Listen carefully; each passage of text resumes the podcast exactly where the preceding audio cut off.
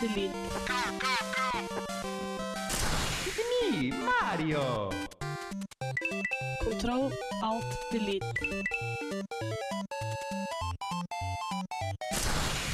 Unable to comply.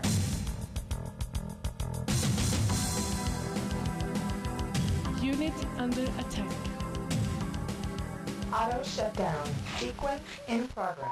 Ready to serve, my lord. Velkommen til en fullspekka sending av Kontroll Alt Elite, hvor vi denne gangen vil ta og diskutere nyannonserte spill.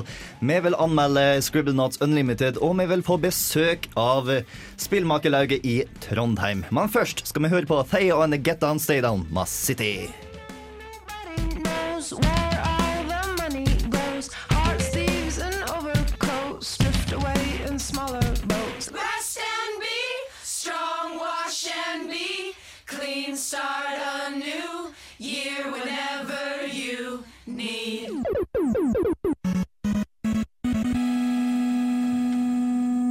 Velkommen til Kontroll Alt Elite. Jeg heter Bård Esta, og i dag så har jeg egentlig tre følgesvenner, men kun to i studio for øyeblikket. Legg. Ja, Mikkel, hvordan eh, er vår siste person? Eh, Hanna, mener du? Ja. Jeg mistenker at hun er ute på gangen. La oss håpe på at hun kommer inn om ikke så altfor lenge. Men jeg har i hvert fall Skal jeg gå og se? Ta og se, du. Uh, men imens så kan Sondre ta og prøve å snakke litt. Ja, der kom Hanna brautende sin døra. Eh, Det er, noe med, det, er, det er noe med de øyeblikkene hvor du åpner døra midt i ansiktet på noen, og det var dette øyeblikket. Når jeg skulle forsøke å liste meg inn og være sånn veldig god radioetikk, etikette, og Ja. så får jeg døra i trynet. Mm. Men det kan jeg bare Unnskyld, takke meg selv for. ja. Hei, Hanna. Hei! Det er mine tre følgesvenner som eh, kommer i siste liten, sånn som helter alltid gjør. Eh, hva har du spilt i det siste, Hanne? Jeg har ikke spilt noen ting. Hvorfor jeg ligger syk. Jeg har faktisk ligget med så drøy feber at jeg ikke har hatt lyst til å se siste episode av Walking Dead engang. Hvilket bare er katastrofe for min del. Eh, men eh, såpass, liksom. Da har jeg satt standarden, føler jeg, for hva jeg orker og hva jeg ikke orker. Men nå, nå begynner jeg liksom Nå er du eh, Kan til og med spille litt sånn Dr. Mario. Ja, litt. Litt Ja. sånn eh, doktorspill passer helt fint nå, ja. Det høres veldig bra ut. Mikkel, Ja. har du feber? Nei, jeg har ikke feber. ikke i det hele tatt. Jeg har spilt, jeg er blitt ferdig med Far Cry 3. Den hadde en forpult dårlig slutt, for å Yep. si det mildt. Det var helt ræva. Men vi kan ikke spoile noe av 2012. Vi kan, vi kan også si at det er moral choice som bare ikke passet i noe som helst sted. En siste bosskamp som er så kjedelig og så unødvendig og så Det, pa, det passa ikke til plottet, det passet ikke til sunn fornuft. Plutselig bare var siste bosskamp der uh, uten at jeg egentlig skjønte hvorfor den kom, men det får nå være så. Skuffa over avslutninga, men gameplay-messig er jo spillet kult. Hvis du spiller introen på nytt, så ser du faktisk han hovedbadguyen i første introscene, bare at han er ikke lyst opp i det hele tatt, så du, egentlig, egentlig så legger du ikke merke til han. Skjønner. Wow. Hmm. Jeg har også spilt Scribble Notes Unlimited, som jeg har eh, anmeldt. Det kommer vi til å få høre senere i sendinga. Ja. Og jeg har spilt en ting til. Jeg har Oi. begynt å spille Zelda Twilight Princess igjen. Åh, Ja, nettopp. Jeg virkelig sitter og storkoser meg. Åh, det skal jeg gjøre òg. Ja, men du kan tro jeg skvatt himmel... Ja, ikke sant? Men du kan tro jeg skvatt himmelhøyt da sikringa gikk hjemme i stad. Jeg hadde akkurat lagra. Jeg hadde akkurat lagra, Sweet. så jeg overlevde. Always save. Sondre? Nei, På lørdag så hadde jo Mikkel og Jens Erik over på hot seat på Borderlands 2, fordi på konsoll så er det bare mulig til å spille to av gangen. Vi fikk også middag. Oi, oi, oi. Mm. Eller du fikk ingredienser, så tok du over middagslaginga. Ja. Alle Og- hjalp til. Alle hjalp til. Jeg var moralsk støtte mens jeg drakk øl. Ja, øh, voksenbrus. Og så har jeg starta på Crisis 3, som man Bård leverte gjennom vinduet mitt i går kveld. Eller forrige kveld. Noe sånt. Det var i går kveld. Ok. Ja. Sånn at bare lytterne vet tidslinja. For eh, det kommer du til å anmelde til oss neste uke. Jo, Ja. så langt så er det Jeg kjenner at helst så skal jeg bare smelte døra og sprunge hjem- hjemover, men ja, ja. Spoiler alert, folkens. Eh, Sjøl så har jeg eh, begynt å spille på det jeg skal anmelde til neste uke sjøl. Eh, Metal Gear Ikke Metal Gear Solid, men Metal Gear Rising Revengeance står på menyen da. Og det er utvikla av Platinum Games og ikke Kojima, noe jeg legger merke til i den halvtimen jeg har spilt. Det skal også sies at det, det er blitt altfor populært og altfor trendy å legge til veldig mange undertitler på en gang. Skal spillutviklerne ha. ja, man er jo liker virkelig undertittelen 'Revengeance'. Den er bare så teit og over the top og passer det perfekte utmerket. Og så må du også si 'Rising Runners' også når du skal uttale navnet på spillet. Men uh, har du lyst til å springe hjem, eller er det førsteinntrykket? Eh, Førsteinntrykket jeg, jeg er interessert i å spille mer, men det er ikke noe som uh, Vel, la oss bare vente til neste uke for å finne ut mer. Uh, Vi tok egentlig og lovte dere en andre time forrige uke, som ikke kom. Det er pga. tekniske problemer. Personlig så tar jeg i å skylde på Skynet, som jeg som oftest gjør. Men vi har lovt dere en sending om spillmusikk, og det skal dere få. For ikke ulikt Shining, I won't forget.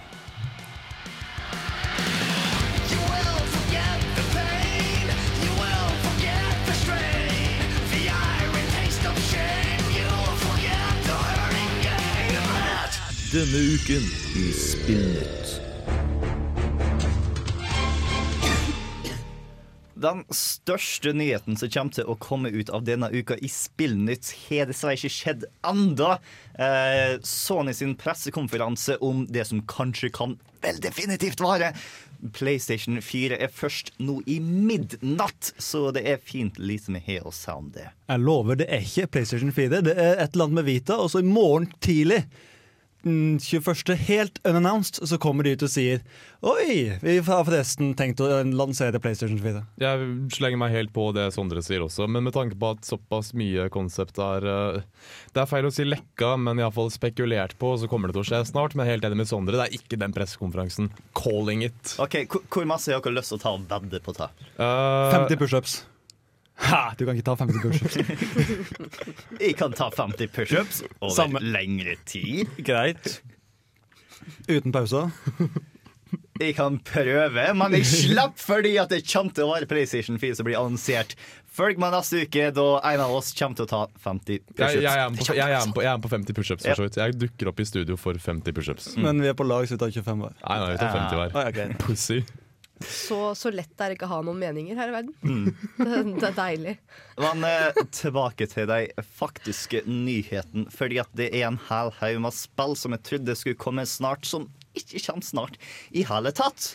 Eh, jeg har ingen jeg er litt glad for at ta første spillet faktisk har blitt utsatt. Det er Naughty Dog sin PlayStation 3-eksklusive The Last of Us, som skulle komme i midten av mai. Som nå i stedet kommer til å komme ut i juni. Eh, Det er i eh, juni den 18. Det er jeg faktisk litt glad for, siden GTA 5 nå ikke kommer til å ta opp sommerferien min. Og eh, jeg liker å ikke bli distrahert i eksamensperioden. Du, du sier noe der, men for den saks skyld så vil jeg også si at det er bra at Naughty Dog tar tida si. For er det noe Naughty Dog kan, så er det å levere velpolerte spill. Absolutt. absolutt. Eh, Det andre spillet som har blitt utsatt, er Amnesia av Machine for Pigs. Som egentlig skulle komme ut halloween i fjor, men så ble utsatt til starten av 2013, som nå blir andre kvartal i 2013. Dette er jo en liksom, litt, litt sånn indie-symptom, egentlig. Mm. At ting tar tid. eh, fordi dette er snakk om folk som gjør dette tingene sine sjæl. Yeah. Men dette er også folk som kan ta spillet sitt veldig høytidelig, faktisk polere så mye som de føler er viktig og riktig. Mm. Og vi, så, igjen, vi har sett hvor bra Penumbra var, vi har sett hvor bra Amnesia var. Herregud, og vi har alle sett traileren til um, The Machine for Pigs. Dette er et spill som Dette blir på mange måter den vanskelige eh, oppfølgeren. Da. Det må bli bra. Vel, greia er at det ikke er de folka som lagde den originale Amnesia som lager det. Det er Dear Esther-folka som har lyst til å ta og lage et eksperimentelt spill i Amnesia-universet. Men etter hvert så ble jeg så glad med den ideen jeg kom fram til, at jeg fant ut nei, det skal ikke være et eksperiment, det skal være et ekte spill. Men jeg er fremdeles litt skuffa, fordi at i min mening skrekkspill skal spilles når det er mørkt ute, og jeg har ikke godt nok forheng framfor vinduene mine. Ah! Eh, Du, du, du, Jeg bruker jeg dritmasse penger på spill, men nye gardiner, Bård, det var litt drøyt. Jeg synes så synd på deg, Bård, den eneste gameren i verden som ikke har ordentlige gardiner. Som ikke kan følge release schedule bare så Bård ikke kan bli skremt nok. Jeg har sett kjelleren din, Bård. Sett deg der. ah, OK, Du har en prosjektor og et surround-anlegg i en kjeller. Ok, Kjelleren kan fungere. Eh, vinduet mitt er retta mot en barnehage, så hvis de tenker å spille ta på formiddagen Og tenk om det er masse små unger i spillet som skriker, og så kommer det her. Og så får du unger fra utsida og unger i spillet. Og du blir. Ja, barn generelt er jævla skumle. Barn som ler, kan være noe av det skumleste i hele verden. de, In real life, de too. barnehagen ler ikke. De bare skrik og skrik etter tante. Jeg uh, spilte survival horror-spillet som ble forbudt i store deler av Europa, Rule of Rose. Som, uh, hva skal jeg si, hvor uh, slemmingene ikke er monstre, slemmingene er barn. Og det spillet er ja, freaky as shit, men en av de bedre og hva skal jeg si, mer gripende survival horrorene jeg har spilt. Møkkvanskelig gameplay med kamerasystem, men det hører jo med. Men et utrolig interessant spill. Problemet er at eh, i eh, leiligheten under der mamma bor, så bor det kids, og de skriker også veldig veldig mye. Så det var igjen, Jeg visste ikke helt hvilken lyd som kom hvorfra, og til slutt så bare spilte jeg spillet mens de var i barnehagen. Okay. Ja. Sånn ni måneder etter til halvannet år etter, så var det særdeles mange færre fødsler. Tidenes beste prevensjonsmiddel. Og så banner de det. Det er fint. Ja, ikke sant? I min mening det som er bedre enn å ha unger på den andre sida av veggen når du spiller skrekkspill, så er det katter på innsida av rommet. Fordi at de beveger seg stille, så plutselig så er det en skygge der nå. Under rulleteksten av eh, Silent Hill 2 så hopper de i nakken med klør og bare Rah!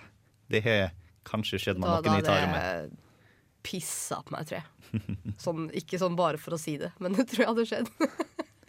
Og den siste dårlige nyheten vi har denne uka her, er at eh, det er et eventyr som tar og avsluttes. Uh, som jeg ikke har lagt merke til egentlig har blitt avslutta, er Rockstar. Etter sånn eh, 273 uker noe sånt som er nå, så legger de nå ut den siste sangpakka si. 4000 låter er det mulig å ta og kjøpe på uh, Xbox Live og alt sånt som er nå, og nå er det endelig avslutta. For dere som fremdeles spiller. Håper noen kan alle. alle. Nå skal vi høre på Disco Slam med Langt, langt vekke.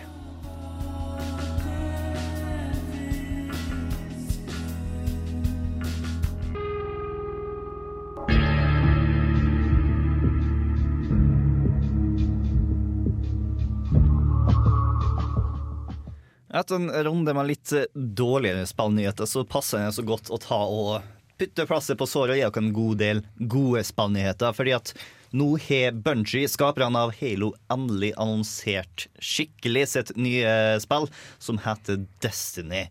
Og Mikkel, du har fulgt nøye med på den annonseringa di. Du, Det verste er at jeg har ikke fulgt med på annonsering engang. Jeg har fulgt med på ARG-en, altså da uh, Alternate Reality-gamet, som det kalles så fint. Uh, fordi uh, plutselig en dag så dukket opp en nettside. Den nettsiden var kryptisk. Du måtte organisere noen symboler for å så komme inn til et bilde som bare var fullt av masse prikker. eh, og det viste seg at dette var en serie med bilder som ble oppdatert hvert femte minutt. Og som også kanskje var litt basert på hvor du befant deg i verden hen. Du måtte da sette deg ned, og du måtte sette sammen disse bildene sammen med jeg kødder ikke tusenvis av andre mennesker. Eh, som ledet videre til et bilde som du kunne sette sammen i alt syv stykker, ett for hver dag, til et veldig mye større bilde eh, med en hel haug med egentlig ganske kryptiske, merkelige beskjeder. Det Internett gjorde, var rett og slett at de satte seg ned, de skripta og de F5-a som et helvete for å kunne samle sammen alle disse bildene her. Eh, resultatet? Vi, vi, vi er ikke helt sikre. Kryptiske bilder satt sammen av gammel eh, hva skal jeg si, eh, det som kalles geomantikk, altså en gammel form for spådomskunst, arabisk astronomi og matematikk, og en hel haug med bilder som vi tror kan være koordinater til et sted, men vi er ikke helt sikre på hvor. Um, dette er et forholdsvis enkelt uh, alternate reality game. Uh, veldig mange av dem finner jo f.eks. sted ute i den virkelige verden. Det ryktes om telefonkiosker som uh, har begynt å ringe på akkurat samme tidspunkt på ulike steder rundt omkring i USA, hvor du må da ta telefonen, passe på at noen er på hver telefonkiosk, og faktisk tar telefonen og får neste ledetråd. Det er snakk om minnebrikker, altså memory sticks, som kastes ut på konserter hvor det ligger nye ledetråder. Det er helt sinnssykt. Dette er virkelig omfattende. Denne her var med andre ord forholdsvis enkel. Jeg satt og FM-a og kikket på bilder som ble lagt ut. Og det var spennende. Jeg syns det er artig hvordan eh, du har liksom en liten gruppe med folk som tar og bruker jeg vil anta mange måneder på å ta og planlegge dette prosjektet, og så kaster de det ut til internettet, og internettet er bare sånn løst, løst, løst, løst, Ja. løst. Og du må satse veldig på at internettet for det første finner ut om det, og så klarer å løse dette her. Dette er en ting som har pågått ganske lenge. Blant annet så har de jo funnet en bruker som vi ikke helt vet hvor kommer fra på Bungie sine foro. forum. unnskyld. Uh, og det har vist seg at han har en YouTube-konto, han har en Soundcloud-konto hvor det ligger andre uh, kryptiske ting. Igjen, vi vet ikke helt hva. Men Bungie har gjort dette her før. Uh, og det skaper en massiv hype rundt spillet, men det, for min del så skaper det også en litt sånn Oi, shit, shit, shit, spillet kunne faktisk skjedd på jorda-følelse. Uh, fordi igjen, kryptiske ting. Don't Jeg, panic. Mikkel is from the internet. jeg, jeg vil nesten si det. Google Destiny og ARG, altså ARG, og så se hva du finner, rett og slett. Det er spes. Jeg, vi kan også sies at Extra Credits har lagd en veldig fin introduksjon på hva et sånt alternate reality game egentlig er for noe, så drit i mine ræva, rare forklaringer. Hør på dem i stedet. Men for selve spillet i Destiny, så er det mer et eh, MMORPG-ish gigantisk skytespill som de har planer om at skal ta og vare i et sånn ti år. Så det er spennende å se hva de kommer til å gjøre med det. Jeg tror det ligger en sånn seks minutters lang eh, eh, production-blogg eller noe sånt som det er nå ute, fordi at folk tok og løste ting i ARG-en. Eh, I andre nyheter eh, fra i forrige uke så tok vi og snakka om at eh, Red Letter Media eller, Nei, ikke Led Letter. eh, Do it, Bård! eh, Red Thread Games eh, har lyst å ta og lage eh, Drømmefall-episoder. Eh, og spurte folk om penger, og penger har de nå fått. Så eh, du kan være helt sikker på at du kan ta og spille eh, Dreamfalls episodes. Hvis du gir deg ekstra masse penger, så kan du også spille på Mac og Linux, som nå er målet deres. Og det har også lekka ut nyheter som jeg syns er fantastisk artig, nemlig et nytt Gears of War-spill som heter Gears of War Tactics, som spilles med Kinect. Det er Må to det spilles med Kinect? feil her. Gears of War Tactics. Ja, det er litt sånn anonyme.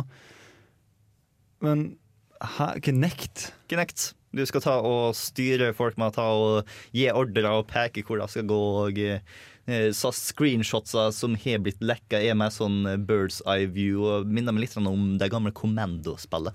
Det var så kult. Å herregud, det var så kult. Jeg har følelse at du blir veldig skuffa hvis du prøver å spille her. Det tror jeg òg. Igjen, jeg lurer på om jeg må spille med eh, Kinect.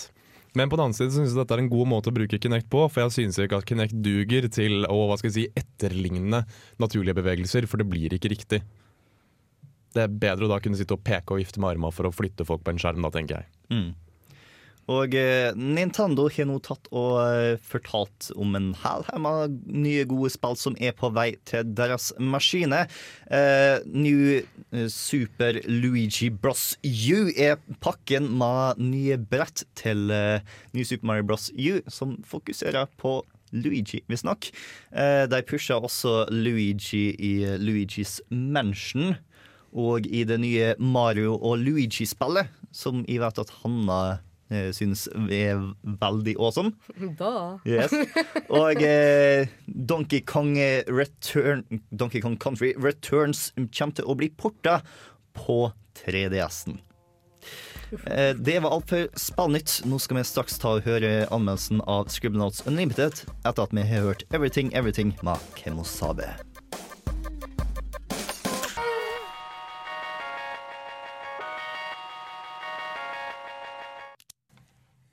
Spillanmeldelse.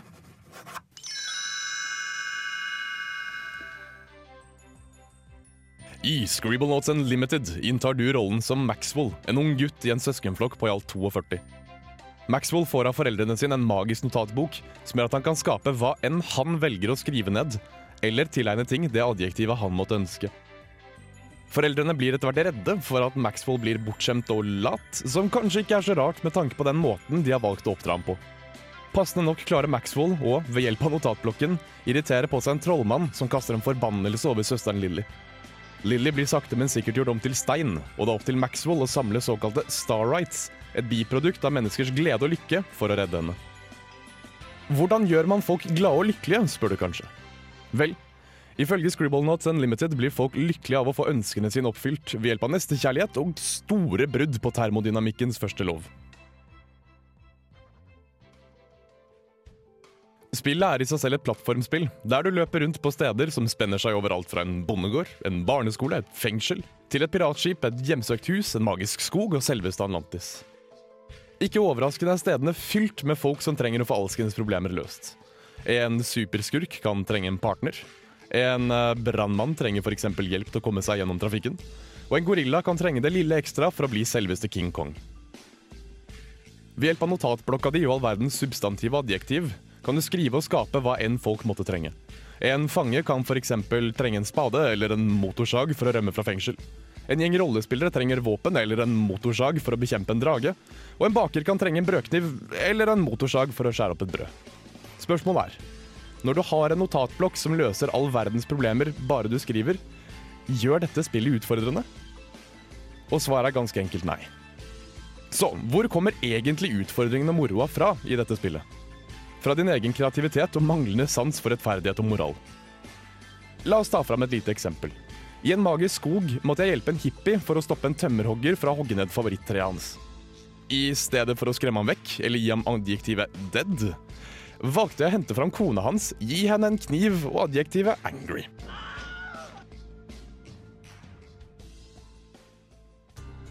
Scribblenauts-serien har sett en massiv hype på nettet, takket være den virkelig uendelige mengden av ting og tang du kan skape i spillet.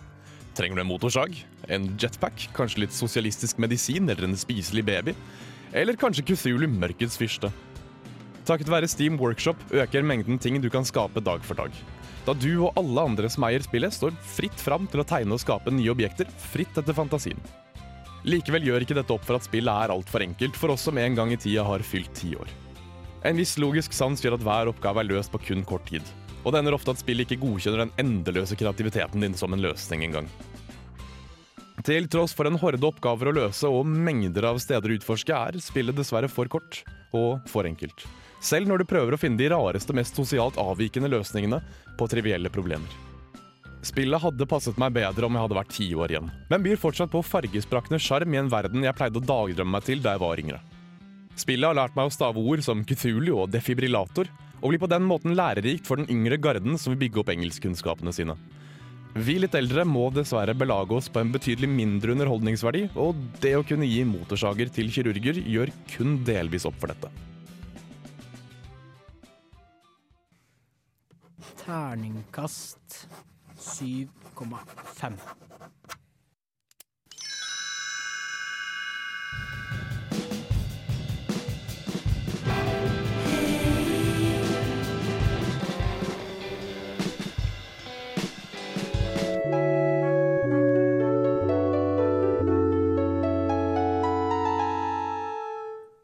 Du hørte nettopp My Bloody Valentine, If I Am.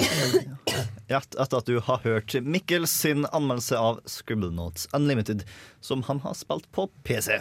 Det har jeg. Mm. Det er også ute på 3DS og VU når det faktisk kommer ut i butikken, fordi at det ble dratt tilbake for en grunn ingen vet hvorfor. Ja, det ble jo trukket tilbake selv hos pressen. Mm. Ingen vet hvorfor. Ingen vet heller hvorfor Scribblenauts Unlimited ble sluppet tre måneder seinere i Europa enn det ble i USA. Til tross for at eh, alle disse språkene som er har i Europa, var en amerikansk versjon. Mm.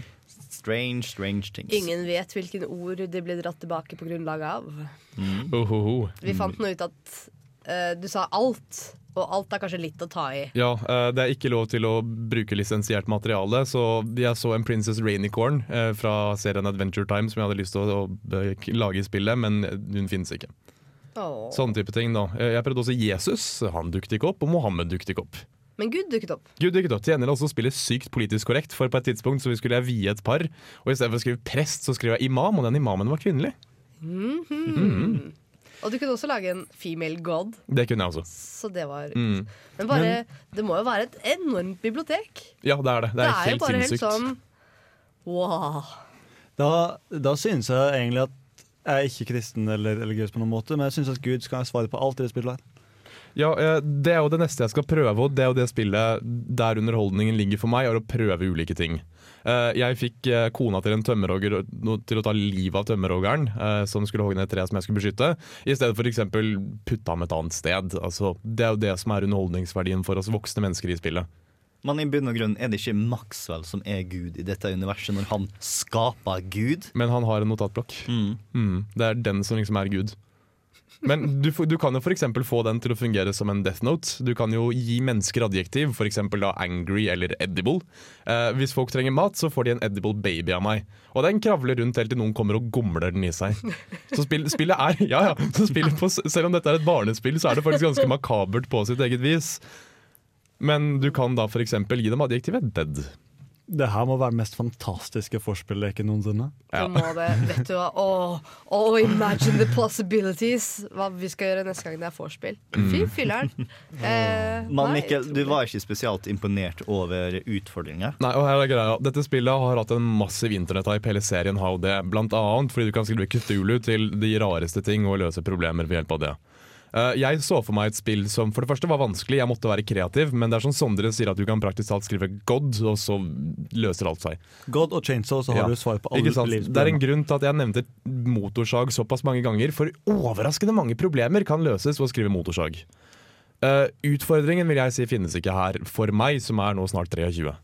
For en liten kid som ikke kan så mye engelsk, så er dette en fantastisk utfordring i seg selv, for du må kunne stave ting riktig, du får en stavekontroll der, du må tenke litt, og du kan være litt morsom.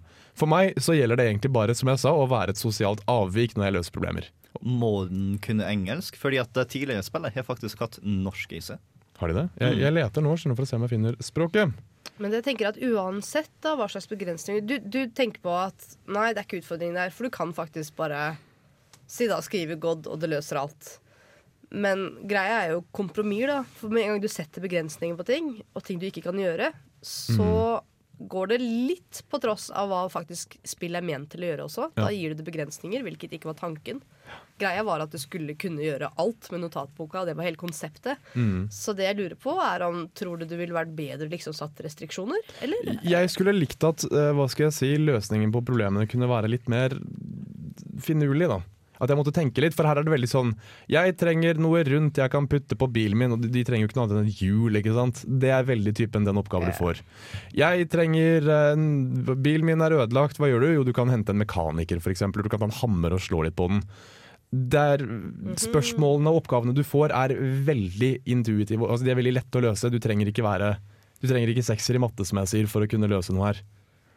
Det, men det er sikkert fordi det er et barnespill. For eksempel, hvis det her skulle vært lagd for voksne, så kunne det komme ganske mye med fancy problemer. Ja. Jeg sitter og ser i Ja, ikke sant? Det, det hadde jo vært greia også. Kunne de f.eks. lagd vanskeligere spørsmål? Kunne jeg satt opp en vanskelighetsgrad, f.eks.? Jeg sitter og ser nå på språkalternativene. Jeg finner dessverre ingen. For hadde jeg kunnet spille dette på spansk, f.eks., så hadde det vært fantastisk. Der! Å, å, å. Jeg kan få det på engelsk, tysk, fransk, spansk, italiensk, eh, brasiliansk, portugisisk og nederlandsk. Det er kult. Jeg skal spille et spill på fransk. Da kommer jeg bare til å skrive 'baguette', men likevel.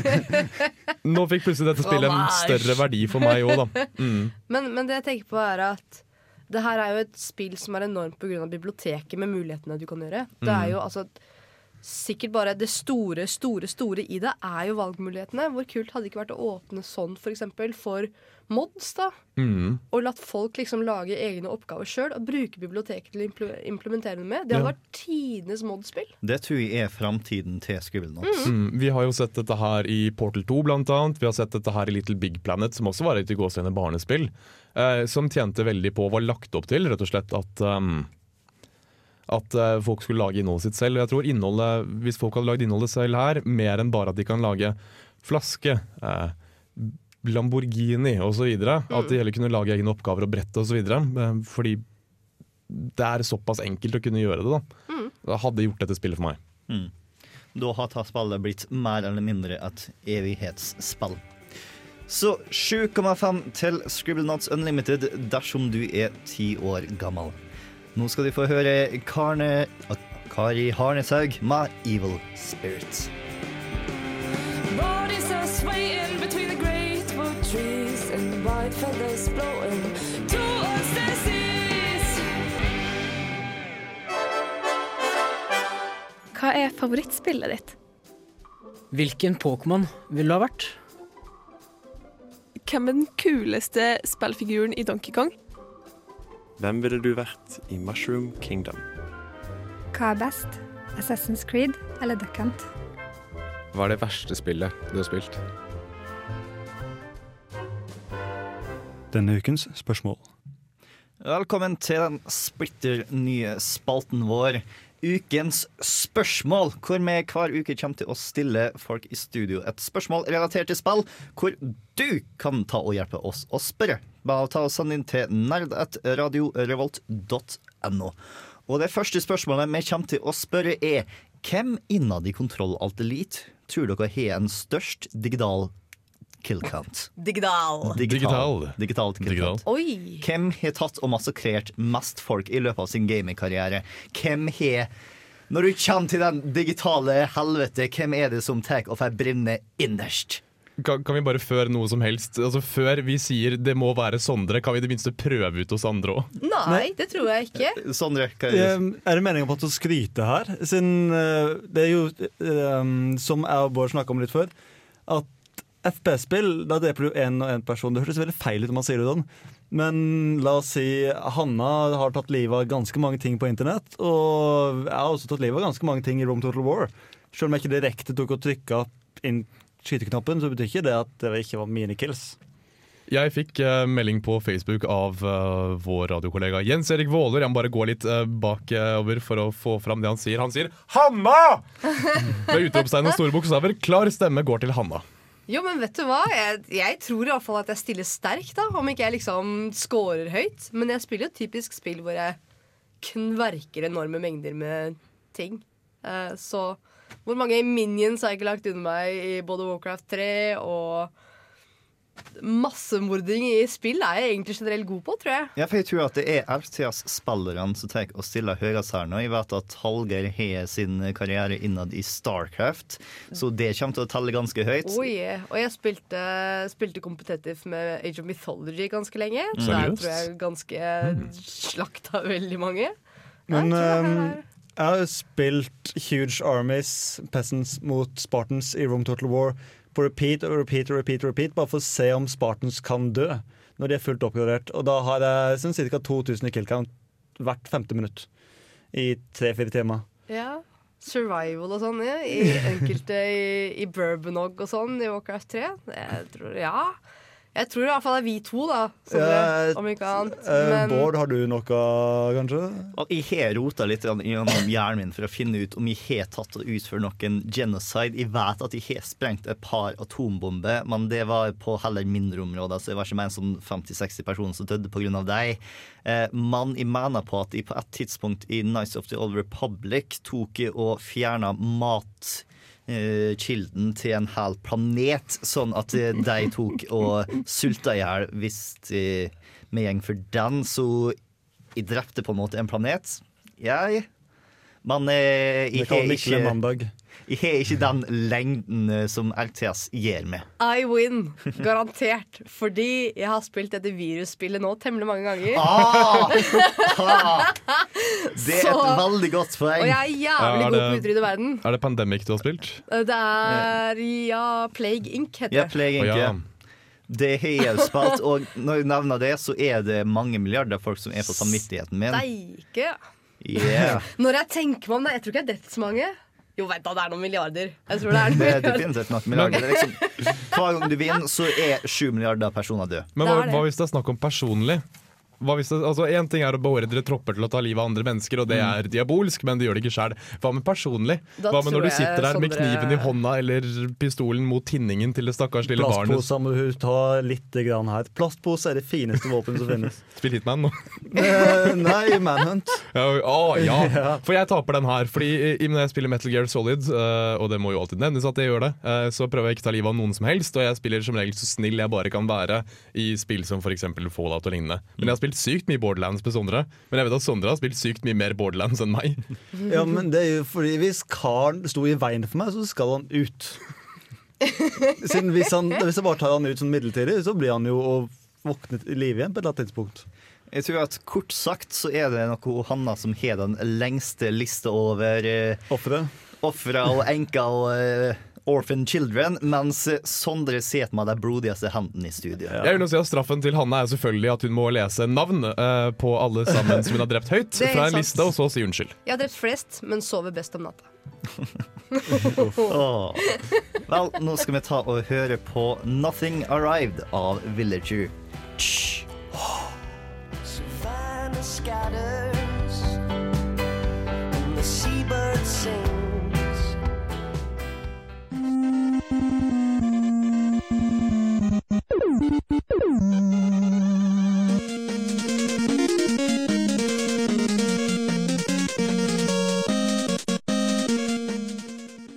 Velkommen til del to av Kontroll Alt Elite, hvor denne uka har vi fått besøk fra Spillmakerlauget i Trondheim. Hei, hei!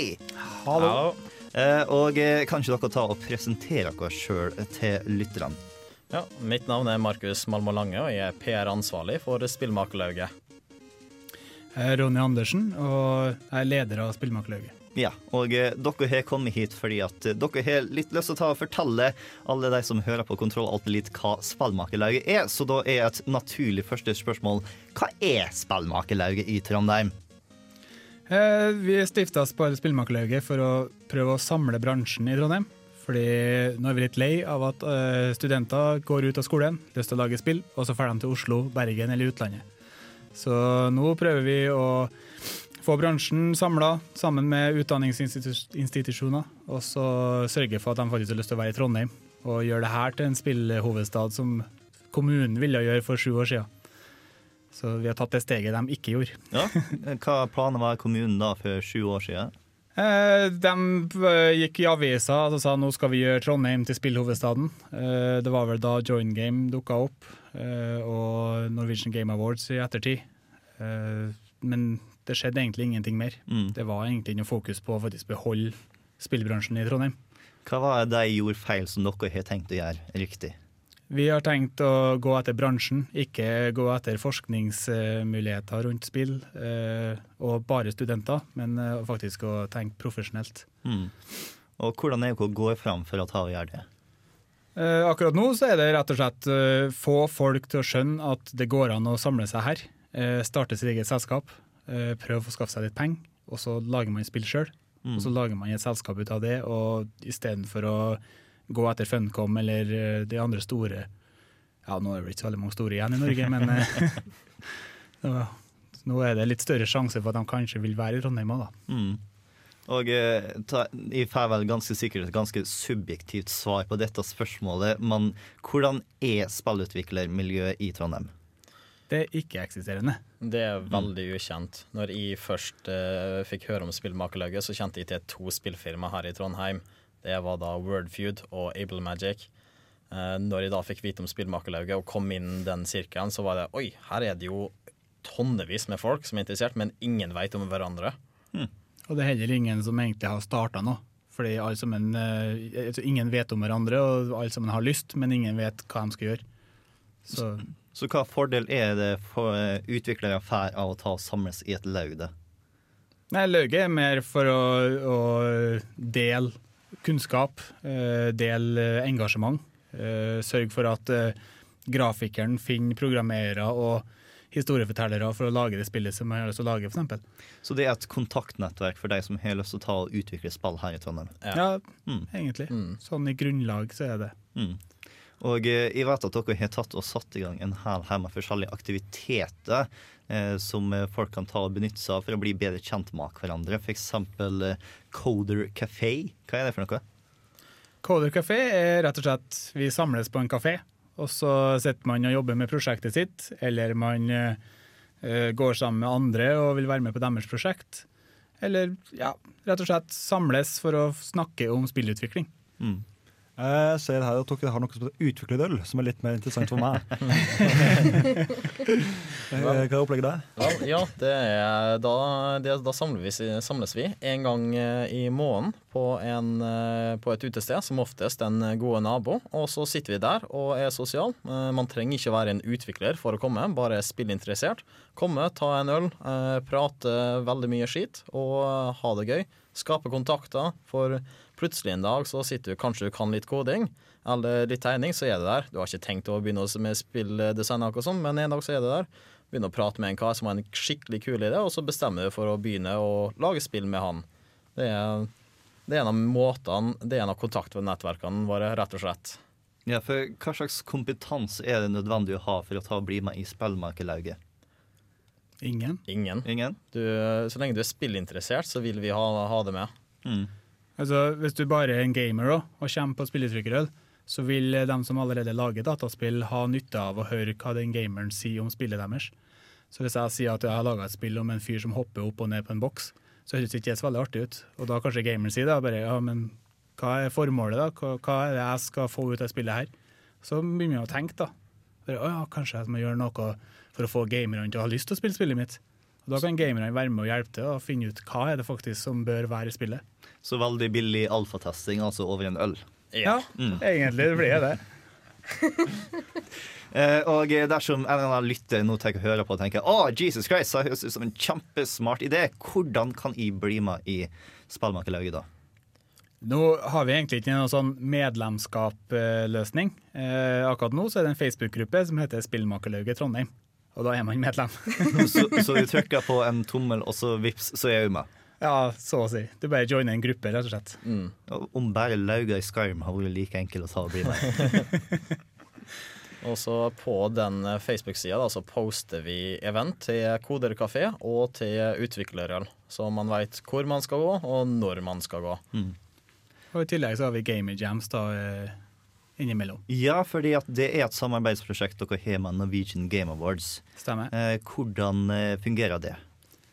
Eh, sånn som eh, første game, eller Nå har vi tatt to Game Jams. Vi hadde én rett før jul, som var basert på den eh, globale ran Jam. Altså Man tar et tilfeldig ord, og så lager man spill ut ifra det ordet man finner.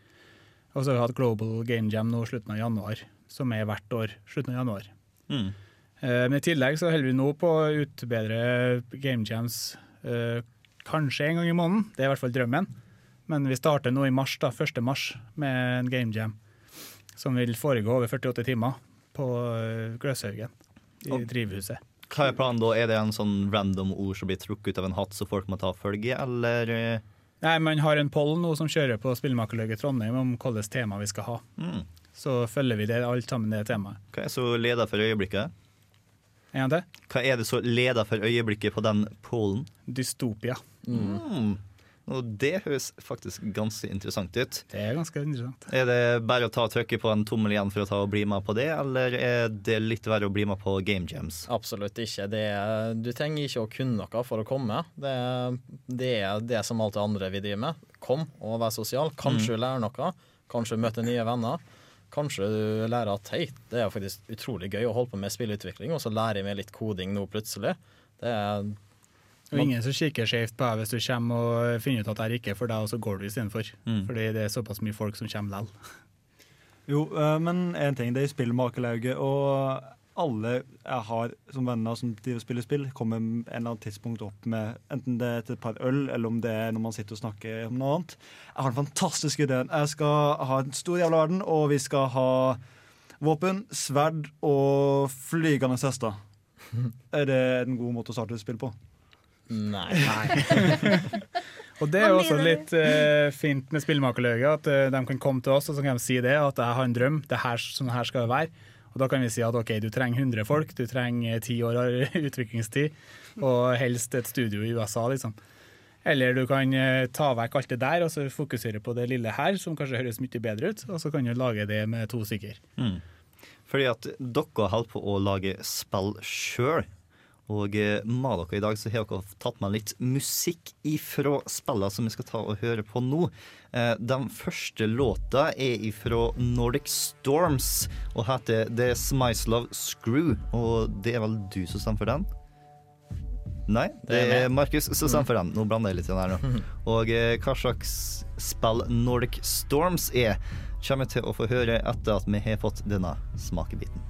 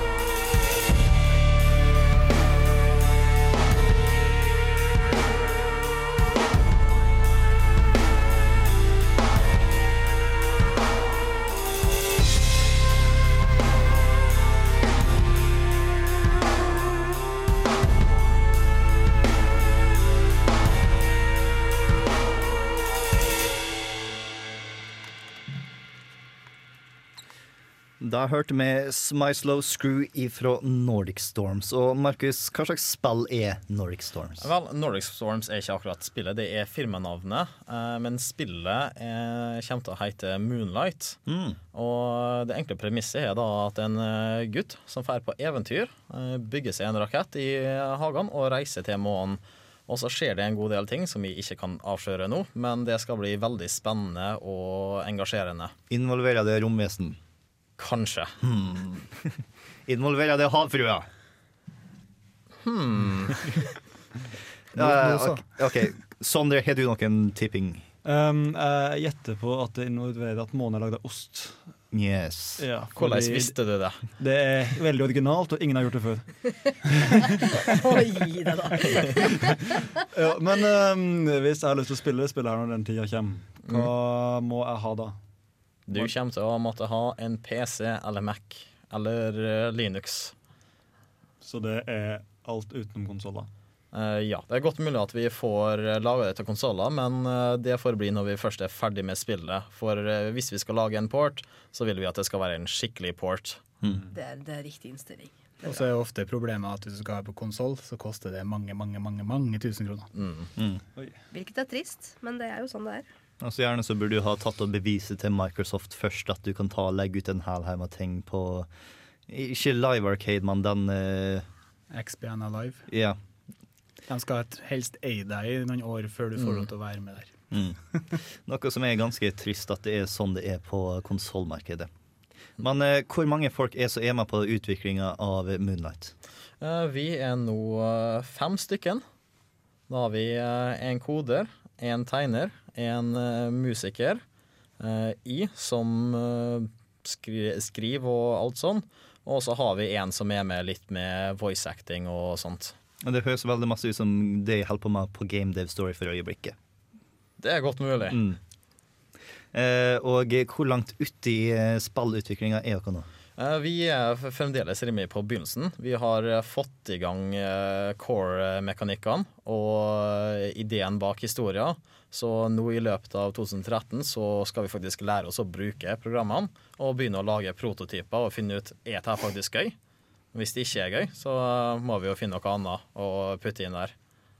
Men eh, dere som jobber med det her, er det fulltidsjobben deres, eller har dere andre jobber, og det, er hobbybasis?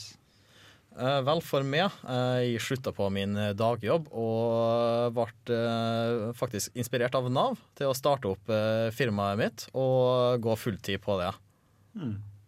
Samme her.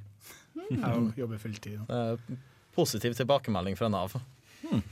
Vi vant også gründerstipend fra HIST i fjor, Eh, så vi sitter på inkubatoren deres og har kontor der. Det er ganske så stilig. Eh, hva slags sjanger er Moonlight er? Det er 2D puzzle platformer. Så da er det bare å ta og håpe på at det er morsomt når dere har lært tingene deres. Det håper vi virkelig. Og eh, Ronny, du jobber på et spill du òg. Er Ja. det Kybernesis, eller er det navnet på eh, studioet ditt? Det er studioet. OK, fint. Hva er ditt spill heter det? Eh, altså, vi pitcha Corp Wars foran gr- gründerstipend i fjor og vant 110 000, og fikk inkubatorplass for HIST. Eh, vi har også pitcha videre til investorer og andre i Europa. Eh, veldig stor interesse for det, men akkurat nå så har vi gått fra å være et team på seks til å være et team på to. Så Oi. vi har ikke så veldig mye fremgang med Corp Wars fordi det er et stort spill. Eh, For å si det kort, da, så er Corpforce et strategispill satt i en dystopisk, postapokalyptisk cyberprank-verden. Eh, original verden som vi har laga sjøl. Og eh, innovasjonen vår er at alt det spillerne lager, det kan vi gjenbruke i andre spill. Så hvis en spill bygger seg en by, så kan vi bruke det spillet i en bilspill, f.eks. Mm. Eller at vi kan ha et eh, first person shooter hvor du går inn og saboterer fabrikkene til spillerne. Um, men det, det er en ting som vi krever mye mer penger og mye større team enn det vi har nå. Så nå fokuserer vi på designdokument, og så lager vi et lite mobilspill som heter Wasteland Barfight. OK. Eh, For nå har vi et, eh, en låt her nå som heter Saibaru Ponku. Eh, Hvilken av prosjektene er det ifra? Eh, Det er fra Corp Wars. Mm. Og for å si det sånn, så Saibaru Panku det er Japans for cyberpunk. Det hørtes veldig riktig ut, så eh, ta en eh, lyttetur på den.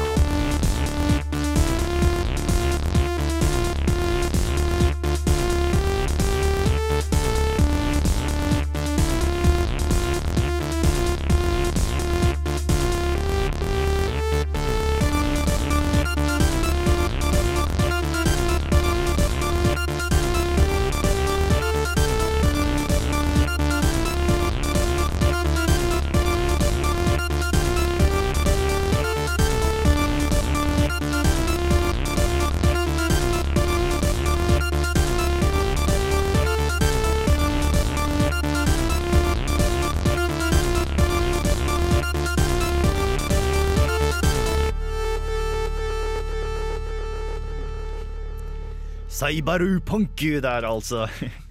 Og eh, spillutvikling i Norge, det er ikke så masse vi hører av. Det er Funcom, og så er det Wordfeud, og så det er det. Eh, hva er det som er nødvendig for at spillutvikling skal bli stort her i Norge? Vi må bygge bransje. Mm. Akkurat nå så har vi noen eh, spillselskap, nye spillselskap som er på vei opp. Du har Rock Pocket Games i Tønsberg. Eh, Red Thread Games, som er Ragnar Tørnquist fra Funcom. Han har jo nå eh, tatt inn ja, har sikkert nærma seg en million dollar nå på Kickstarter for Dreamfall Chapters. Mm.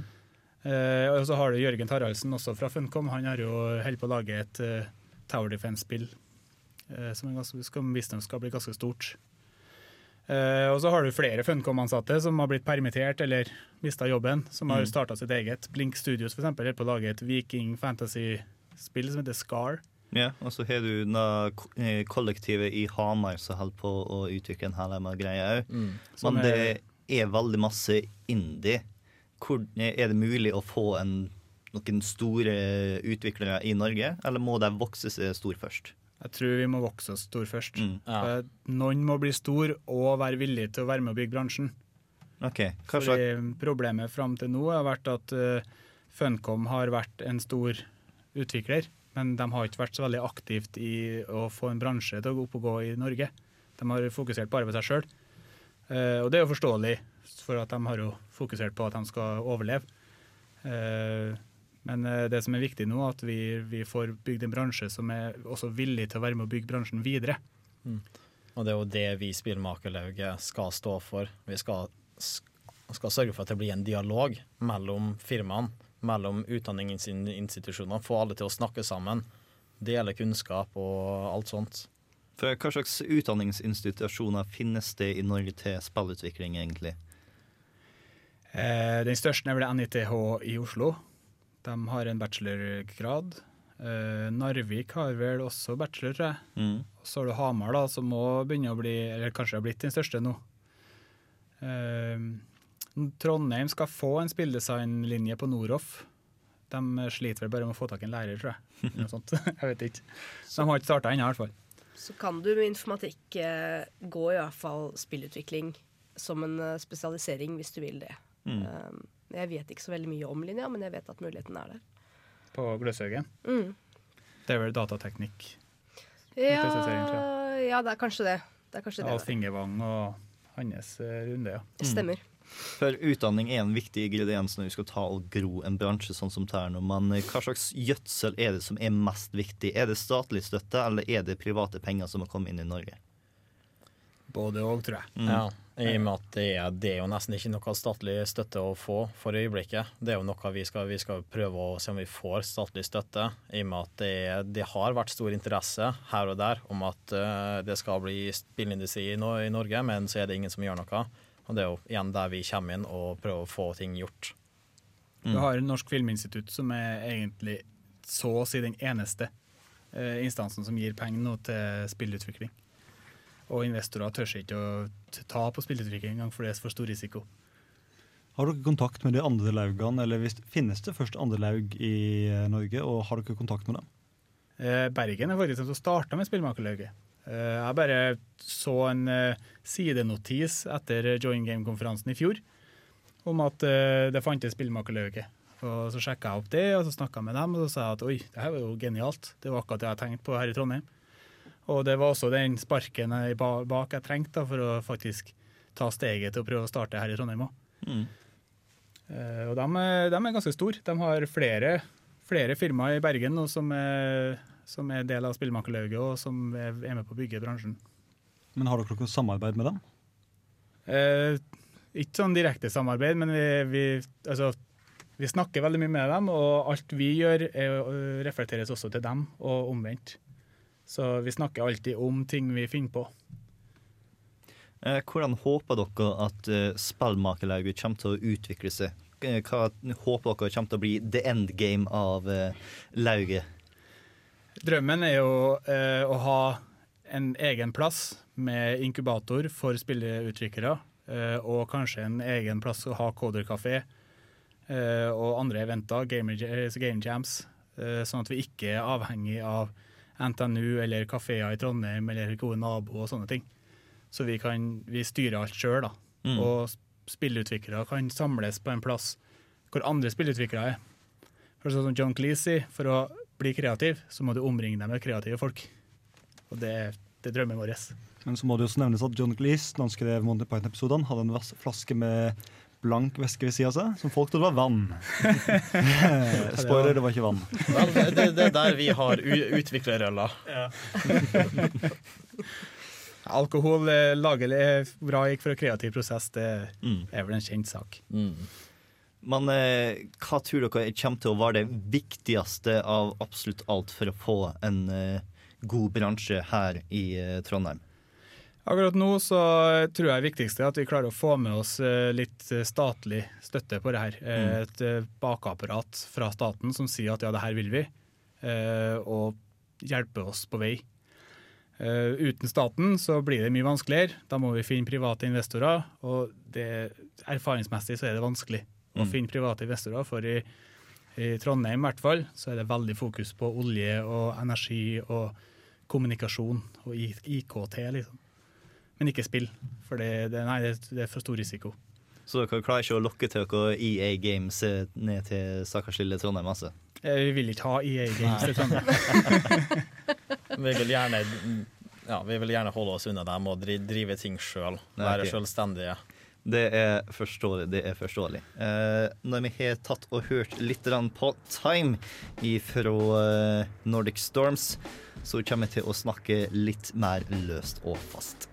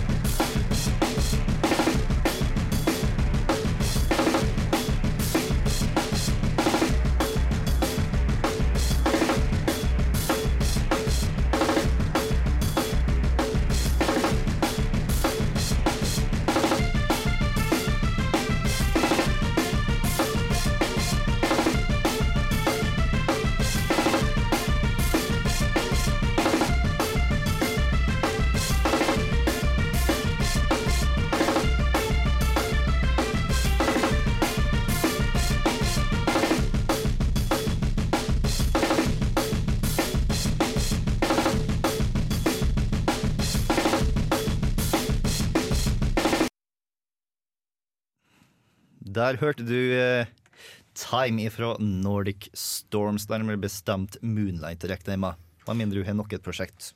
Nei, vi er, foreløpig så holder vi oss til ett prosjekt i og med at vi er helt nye. Å starte flere prosjekt det kunne gått veldig galt. For øyeblikket monogam, altså. Yes. Yeah. Og eh, nå har vi tatt og dekt det aller meste seriøse, så nå kan vi ta og prøve å være litt mer useriøse. Og da lurer jeg på, dersom dere fikk lov til å ta og bli en allerede eksisterende utvikler og var basert her i Trondheim, hva slags utvikler har dere lyst til å være da? Project Red. Hva, hva slags utvikler er Project Red? Det er de som har laga Witcher-serien Mm. og holder på å lage Cyberpunk 2077. Hvorfor har vi lyst til å være Project Red? Fordi de skjønner hva eh, bra storyfortelling er, og klarer å gjøre det åpent. Man, eh, man lever seg inn i verden deres. Det, de, de leverer kvalitetsspill. Mm. Uten å følge normene som er lagt av eh, ja, EA Games, for eksempel. Markus, hvem har du lyst til å være? Og det blir double fine. Uh, generelt for jeg er stor fan av uh, Monkey Island og Full Throttle og en god del av spillene deres. Pluss at uh, jeg følger jo en god del med på utviklingen av deres nye spill. Og jeg får virkelig følelsen av at kontorene deres er kontorer som jeg virkelig kunne tenkt meg å jobbe på. Det er, det er moro, det er det, det virker direkte gøy å jobbe der. Det er jeg helt enig i, fordi jeg er ganske stor fan av måten Double Fine arbeider på. Det har liksom en sånn eksperimentell fase hvor de har delt opp hele studioet i fire etter Brute Legend, fordi at jeg fant ut at jeg ikke kunne lage flere storspill. Så bare sånn OK, alle sammen ta og finn på crazy, crazy ideer, og så lager vi en småspill ut av det. Og derifra så fikk vi Stacked og eh, Costume Quest og alle sa godspillene der. Mm. Ja, det er jo en av de få, en av de få developerne, for det er jo altfor få developere nå i dag som satser på crazy ideas. Mm. Er på 90- og 80-tallet så er det jo bare crazy ideas.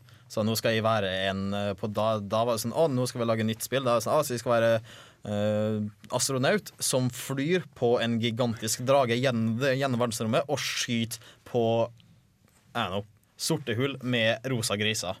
Som ikke er da så veldig rart, i og med at griser er rosa. Heldigvis så er det en bølge som nå kommer tilbake takket være indie-bølgen, Mm. som eh, gjør det ganske masse enklere å bli med i spillindustrien enn tidligere. Spesielt pga. de verktøyene som nå eksisterer. Mm. Før i tida så måtte man bruke to til tre år for å lage en motor til spillet sitt først. Og så kunne man begynne med spillutviklinga, altså designet sitt. Eh, nå så kan du bare laste ned Unity gratis, og så kan du begynne å lage spillet fra dag én. Eh, kanskje du bruker bruke noen timer på å lære deg, liksom. men etterpå det så er det bare å gi gass. Og Du har også Asset Store der, som gjør at du kan kjøpe inn eh, ting som tar flere timer å lage sjøl, men som andre har brukt timer på, og så får de litt penger for det istedenfor. Så det er vinn-vinn-situasjon hele veien. Og det er Flash du tenker på sånn. Nei. Ja, Flash tror jeg holder på å dø. Det virker sånn. Det Jeg vil nok virker krysse, sånn. krysse fingrene. Mm. Men Unity er en virkelig fantastisk motor. Og eh, det som man, man skulle tro at vi får betalt av Unity, hvor mye, for vi prater så mye godt om Unity. Men det er virkelig fantastisk. Og så er det også relativt billig òg. Lett å porte til alle forskjellige format. Det er Hva er relativt billig? Ja, det er bare sånn 9000. Kan jeg, kan 9000, jeg spørre om det? Altså utgifter med å begynne å lage spill på, på litt sånn hobby, altså ikke hobbybasis, men hvis man vil starte stedet sted og utvikle spill, hva slags utgifter må man med på hvis man f.eks. har lyst til å bruke en motor, eller er det lisenser på en måte for privatpersoner som kan leke med det her, eller må man liksom Unity er gratis fra dag én. Eh, Du kan laste ned, du kan bruke det, og du kan lage, selge spill uten å lisensiere det. Eh, Det har selvfølgelig noen sånne restriksjoner med avanserte shaders, eh, skyggelegging og sånne ting. Eh, Men det å oppgradere koster 9000, og da betaler du ingenting mer til Unity utover den lisensen. Eh, Mens f.eks. en Real Engine, der koster det Det er gratis å laste ned, er det vel nå? Og så Mm. må du betale 30, 000, nei, 30 royalties for spillene dine etterpå. Eller noe sånt. Det er i hvert fall en prosent. Ok, Nei, Så da slipper du Alna royaltyen til Unity når Yes. du slipper ut den? Det er bare én, sånn eh, lisenspris, og så er vi ferdig med det. Det er ganske drøy prisforskjell. I, eh, ja, Ja, det er si ganske drøyt. Det er en grunn til at Unity begynner å bli den største verktøyet i spillbransjen. Det kommer jo helt an på hvor mye du selger, da. Ja, jeg tror at. Unity eh, tjener masse mer på eh, 9000-lappen én gang, hvis, den her, eh, hvis sånn 10% av indie-utviklerne får solgt ut et spill, så tjener jeg masse mer på å selge én gang enn å få royalties på eh, spill som kanskje ikke selger like masse som det Unreal Engine-spill gjør. Ja. Unity er jo også fryktelig populært i Norge og blir brukt uh, av en, en god del av utviklerne her i Norge. For det er lett og billig. Og skal man, uh, har man ambisjon om å jobbe i spillbransjen i Norge, så anbefaler jeg å lære seg Unity, fordi alle bruker Unity i dag. Mm. Det er noen få som bruker uh, Kokos og sånne ting, men det er uh, iPhone-utviklere. For de mener at Unity ikke har en bra nok kompilator til iPhone, men det har den egentlig likevel, da. Det er også fint med Unity. Du kan porte til Linux, til Windows, til Mac, til iPhone, Android, PlayStation, Wii, Xbox. VU. Ja, det er òg noe, faktisk. Og eh, helt på tampen, dersom dere fikk lov til å gå tilbake i tid og være med på utviklingslaget til ett spill i spillhistorien, hvilket spill hadde det vært? Oh. System Shock 2. Det, det, det, det blir vanskelig, for det er så mange spill jeg liker. Uh, jeg sier nesten bare Full Throttle 2, for at jeg liker Full Throttle 1. uh, for at jeg liker det så fryktelig mye. Da snur jeg det spørsmålet. Hvis noen kunne gå tilbake og slappe fordi de har lagd et forferdelig dårlig spill som du håpa skulle bli bra, hvem hadde du tatt da? Oi. Du får lov til å stille deg på på rekke, tar du løpefart, og så langs hele jævla designteamet eller hele utviklerteamet. Du er liksom gamerversjon av uh, Terminator. Bare far tilbake i tida. I Sarah Connor! Eh, det var faktisk veld, veldig masse spørsmål. Det er, jeg- hvis det er biter jeg kunne gått og pirka på, uh, så er det definitivt det. Men av spill Egentlig De eneste spillene som har irritert meg mest de nyere årene, er de nye Call of Duty-spillene. Fordi at de går så generisk er, sånn, det er jo rett og slett en Hollywood blockbuster. Det er, det er ikke dybde, fylde eller noe sånt. Det er bare pang, eksplosjoner og litt kontroversielle tinger. Mindless fyll. Ja. Ja, det er sånn, selvfølgelig. Det er, det er rimelig gøy å være med på, men eh, s- i spillindustrien, så akkurat nå i den unge fasen, så mener jeg at vi trenger litt mer eh, voksne spill eh, for å få for resten av verden til å faktisk se på oss litt seriøst. Jeg kunne tenkt meg å dra tilbake i tida og så eh, gitt litt smekk på pung til den norske politikeren som mener at eh, spill er bare for barn. Mm, ja, definitivt. og helst på samisk, helst laga i Finnmark. For eh, spill i dag er absolutt ikke bare for barn. De fleste spillerne er mellom eh, 16 og 40. Men du og du og mye dumt man kan si før i tiden, som ikke er blitt som man skal. Men så glad man heller skal være for at man faktisk har tatt utviklingen i den retningen at spillet er faktisk noe som er for alle, og noe som faktisk utvikles til å være fantastisk for alle, er jo supert. Man får heller se det på den måten. Mm, Glad for at det ikke bare blei bare for samiske barn. Ja. På samisk. det er Ja. sant. Eh, dersom eh, folk nå har blitt kjempeinteressert i spillmakerlauget i Trondheim, hvordan kan jeg kontakte dere da? Hvordan kan jeg få vite om eh, utviklerøl og Coder Café og alt sånt som er nå? Eh, Vårt første eh, kontaktpunkt er jo Facebook. Eh, det er da Spillmakerlauget Trondheim. Det er bare å søke på det, så finner du en gruppe, og der er vi veldig aktive. Mm. Eh, har du ikke Facebook, så kan du sende en mail til trondheim at spillmakerlauget.no. Så får du også kontakt med oss. Eh, vi har også en, eh, en mailliste som ikke er spesielt mye i bruk, fordi folk er på Facebook. Men eh, hvis man sender mail til oss, da, så skal man alltids få kontakt med den maillista, og så skal vi ta den i bruk hvis det blir folk på den. Og så håper vi rimelig snart å få på ei nettside òg. Ja. Ja. Og eh, tusen takk for at dere kom på besøk. Eh, neste uke i Kontroll Alt Elite så kommer jeg til å anmelde Crisis 3 og Metal Gear Rising Revengeance. Og vi kommer til å gå igjennom eh, actionspillets historie. Så fram til da, ha det bra. Og så får du høre på Kybernesis Theme.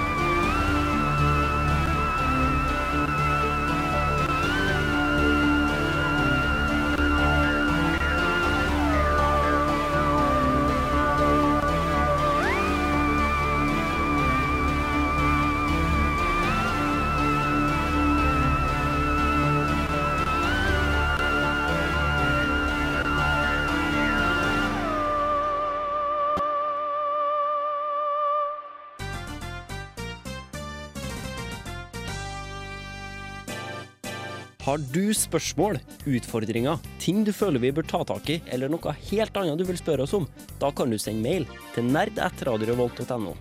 Ønsker du heller å tweete oss, kan du finne oss på Twitter, hvor vi heter rr-spill. Du finner oss også så klart på Facebook. Radio Revolt presenterer Kontroll Alt Elite.